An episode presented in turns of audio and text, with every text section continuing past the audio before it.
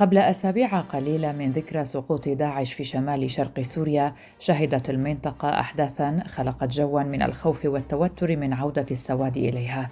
وذلك بعد عملية عسكرية لمقاتلين من تنظيم داعش حاولوا من خلالها تهريب آلاف من معتقلي التنظيم من سجن جويران من مدينة الحسكة واندلاع اشتباكات شديدة بين خلايا التنظيم وقوات سوريا الديمقراطية لعدة أيام وكشفت عملية الهروب هذه عن التحديات والصعوبات التي تواجهها المنطقة في عملية القضاء على فلول التنظيم.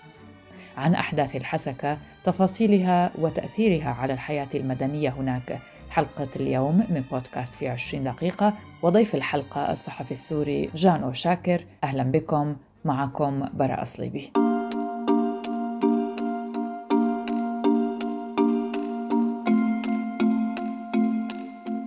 في تقرير نشرته صحيفة الإندبندنت البريطانية في وقت سابق تحدثت فيه عن التهديدات التي تشكلها الخلايا النائمة من تنظيم داعش في منطقة الشرق الأوسط. وذكر التقرير أن قوات التركية أعلنت القبض على ما يقرب من 30 مشتبها في انتمائهم لتنظيم داعش وذلك قبل نهاية العام بأيام. وأن القوات العراقية قبل نهاية عام 2021 بأيام قليلة أيضا أعلنت قتل ما لا يقل عن 22 عنصرا من التنظيم في عمليات برية وجوية في وسط وشمال وغرب البلاد وذلك بعد إعلان التنظيم مسؤوليته عن سلسلة تفجيرات نفذت بعبوات ناسفة. وفي عام 2021 سجل 342 هجوما للتنظيم شمال سوريا. علما أنه تم الإعلان عن القضاء عن تنظيم داعش في العراق وسوريا في 2019 بحسب ما جاء في تقرير الإندبندنت. وللحديث أكثر عن الأحداث التي جرت في سجن جويران والتوتر في محافظة الحسكة معنا ضيفنا الصحفي جانو شاكر ليخبرنا بالتفاصيل. في العشرين من الشهر الماضي شهر يناير 2022 كان الهجوم بشكل منظم من قبل عناصر من داعش تقدر بالعشرات هجموا على سجن الصناعة في حي الغويران. كانت العملية تستفيد من الظروف المناخية حيث موجة ثلوج كانت تغطي المنطقة وانخفاض درجات الحرارة بشكل كبير. الهجوم تم بسيارتين مفخختين إحداهما انفجرت عند المدخل الرئيسي. وأدت إلى وقوع ضحايا في صفوف الحراس السجن وعلى أثرها اقتحمت سيارة دفع رباعي لداعش تحمل عناصر إلى قلب السجن ومن ثم تم إدخال سيارة للأسلحة كانت معدة لتسليح السجناء في حال التمكن من يعني اقتحام السجن وإخراج السجناء من المهاجع. تمكن المقتحمون من السيطرة على السجن بشكل تقريبا كامل. بما فيهم مهاجع تضم حوالي 700 من ما يسمون بأشبال الخلافة حيث كان هناك مبنى خاص تقول قوات سوريا الديمقراطية أنها كانت يتم فيها إعدادهم وتأهيلهم لمناهضة الفكر المتطرف وكانوا قد آه، وضعوا في مهاجح مستقلة عن بقية آه، أقسام السجن. واللافت أن السجناء كانوا قد هاجموا. حراس السجن وموظفيه وعناصر المطبخ بالتزامن مع الهجوم من خارج السجن من قبل انتحاريين وعناصر التنظيم وهو ما أثار الشكوك في احتمالية أن يكون هناك معلومات لدى السجناء من الداخل وحدوث تواصل أو آه، هناك صلة وصل آه، قد يكون هناك متعاونين قبل حراس السجن مع داعش في تسهيل مهمته لاقتحام السجن. لا معلومات آه، حول هذه القضية ولكن التحقيقات جارية ولا تزال مستمرة وهناك شكوك كبيرة حول هذا الأمر. بالنهاية في الحصيلة النهائية للعملية تمكن التنظيم من قتل نحو 77 موظف وعامل في السجن ومن حراسه. أيضا قتل نحو 40 عنصر من قوات سوريا الديمقراطية في المواجهات في محيط السجن وفي الأحياء المجاورة إضافة إلى مقتل أربعة مدنيين بحسب الإحصائيات الرسمية لقوات سوريا الديمقراطية. كان هناك عمليات لقطع رؤوس بعض العناصر التي تم أسرهم. في المقابل استطاعت قوات سوريا الديمقراطية تحرير 27 آه، سجينا أو آه، أسيرا من موظفي السجن الذين تمكن التنظيم أو عناصر التنظيم من أسرهم.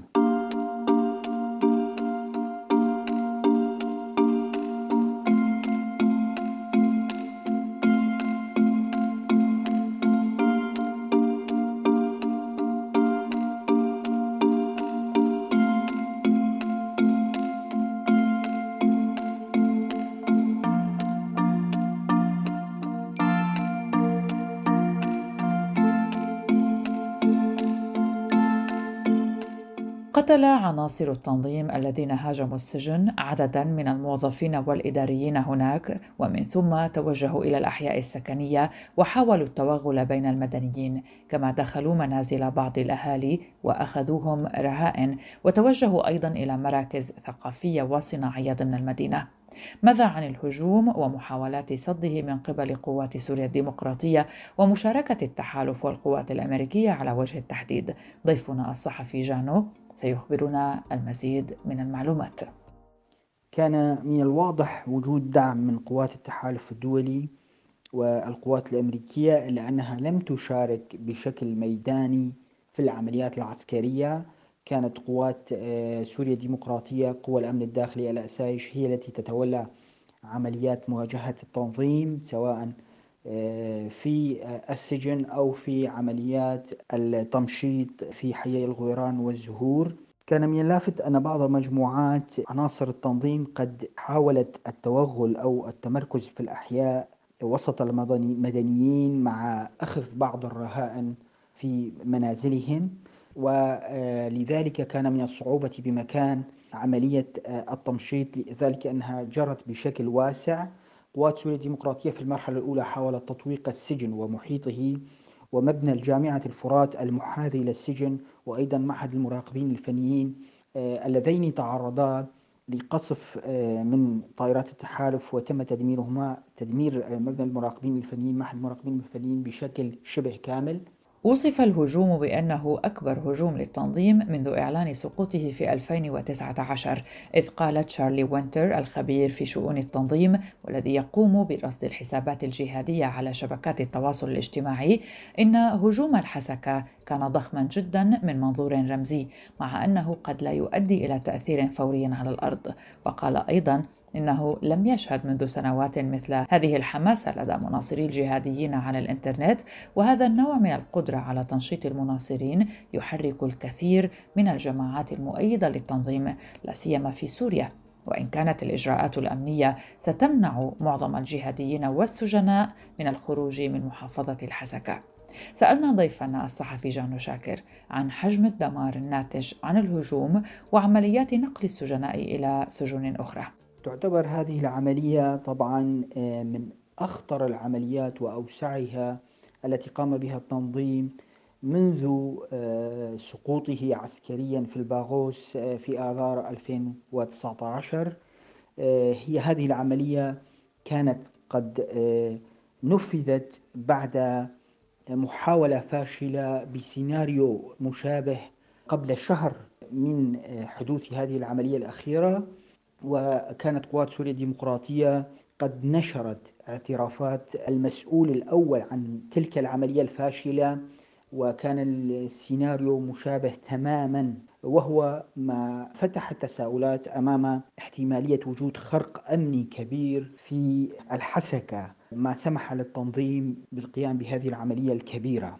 بالطبع قوات سوريا الديمقراطية أشارت إلى أن العملية قد جرى التحضير لها على مدار ستة أشهر وكان هناك زرع خلايا في حي الغويران الذي يتواجد فيه السجن وبالإضافة إلى حفر أنفاق عدا أن مجموعات من عناصر التنظيم كانت قد قدمت من مناطق رأس العين وتل أبيض بالإضافة إلى أحد المجموعات التي جاءت كمؤازرة من العراق. وطبعا اتهمت قوات سوريا الديمقراطية بتلقي تنظيم دعم بشكل أو بآخر من تركيا خاصة أن مناطق سيطرتها في شمال سوريا تعتبر مناطق يتحرك فيها خلايا التنظيم بأريحية كما أن هناك العشرات من عناصر وقيادات التنظيم التي انضمت إلى فصائل الجيش الوطني الموالي لتركيا. على هذا الأساس تقول قوات سوريا الديمقراطية أن لتركيا دور رئيسي ومحوري ومسؤولية أكبر في دعم التنظيم للقيام بهكذا هجوم على مدينة الحسكة. كان واضحا حجم الدمار الكبير الذي لحق بمحيط السجن واستنادا لمصادر عسكرية كان هناك دمار كبير أيضا مماثل في قلب السجن والمباني الرئيسية التي كان يقيم فيها السجناء ومن المتوقع أن يكون هناك إيجاد بنية تحتية بديلة. ليس من الواضح هل ستكون هناك إعادة تأهيل هذا السجن أو لنقله إلى مناطق أخرى وإيجاد بديل خارج المناطق السكنية في ظل وجود استياء شعبي في مدينة الحسكة من استمرار وجود هذا العدد الضخم من سجناء التنظيم الذين يصل عددهم إلى حوالي 3500 وتكرار حالات الاستعصاء والهروب ومحاولات الهروب إلى الخارج. طبعا آه، حاولت قوات سوريا الديمقراطية نقل بعض السجناء إلى أماكن لم توضحها خاصة الأطفال ممن يسمون بأشبال الخلافة. من المتوقع أنهم نقلوا إلى أماكن احتجاز أكثر أمانا.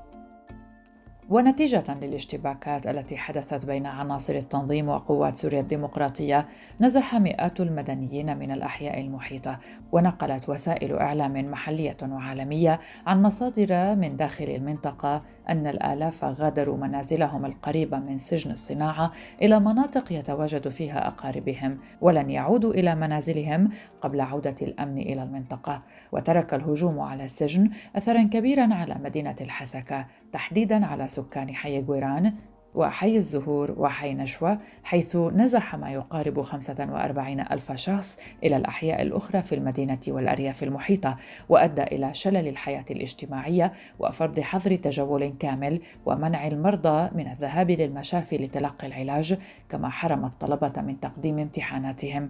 المزيد من التفاصيل مع ضيفنا الصحفي جانو شاكر افتتحت الإدارة الذاتية مركزي إيواء مؤقت لاستقبال النازحين في حي طلائع وفي حي الحجر كما توجه عدد من النازحين والعشرات من العائلات إلى منطقة المربع الأمني.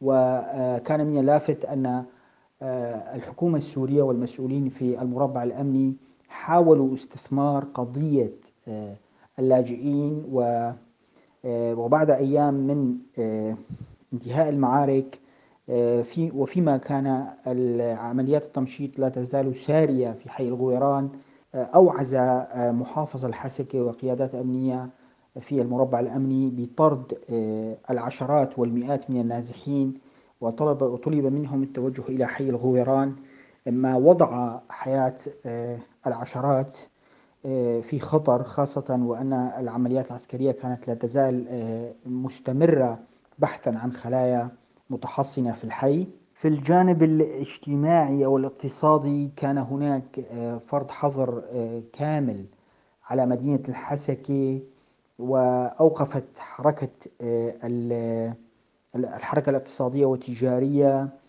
كان هناك استنفار شبه استنفار من من السكان الذين تطوع الكثير منهم للدفاع عن أحيائهم والخروج في حراسات ليلية. وهو ما لم يكن معتادا قبل ذلك آه، أعتقد أن الوضع الأمني حاليا أكثر استقرارا في الحسكة وفي سائر المدن آه، زالت تلك حالة التوتر تلك. الهجوم أثر بشكل كبير على المرضى والطلبة الجامعيين الذين عادة ما يتوجهون إلى دمشق ومدن حلب وربما اللاذقية لاستكمال دراستهم الجامعية كما أن هناك مرضى من المصابين بالأمراض المزمنة كأمراض السرطان وغيرها ممن يتلقون العلاج بشكل دوري في مدينة دمشق. كانت كان الهجوم وقطع الطريق البري بمثابة خلق مصاعب كبيرة بالنسبة لهم واضطروا للجوء إلى السفر جوا إلى دمشق عن طريق مطار القامشلي. في المقابل في مطار القامشلي كان كان هناك زيادة للطلب على قطع التذاكر للسفر جوا إلى دمشق وبقية المناطق السورية. وكان هناك استغلال من جانب السماسرة وقيادات في مطار القامشلي حيث ارتفعت أسعار التذاكر إلى خمسة أضعاف وكان يتم ولم يكن من السهولة بمكان الحصول على تذكرة في موعد محدد من أجل الوصول إلى دمشق. لا شك أن مدينة الحسكة تأثرت أمنيا بشكل كبير جراء الهجوم وكان على أثر ذلك أن خرج العشرات من المدنيين لحماية أحيائهم وخشية أن تكون هناك خلايا قد انتشرت في الأحياء أو خشية وجود خلايا أخرى ربما تكون قد تحصنت وتستعد لإثارة بعض الهجمات أو لتنفيذ بعض المخططات. وقد طالت عمليات التمشيط أيضا حي العزيزية شمال المدينة بعد يعني وضع احتمالات بإمكانية هروب بعض الخلايا من السجن والاختباء في هذا الحي.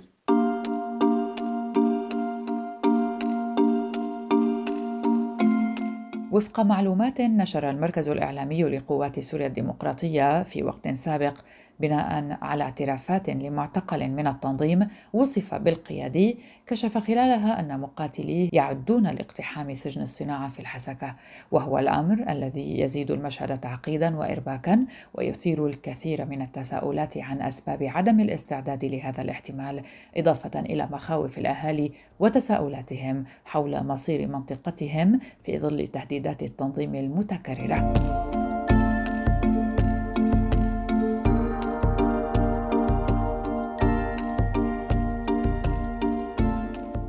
هذه حلقة من بودكاست في عشرين دقيقة.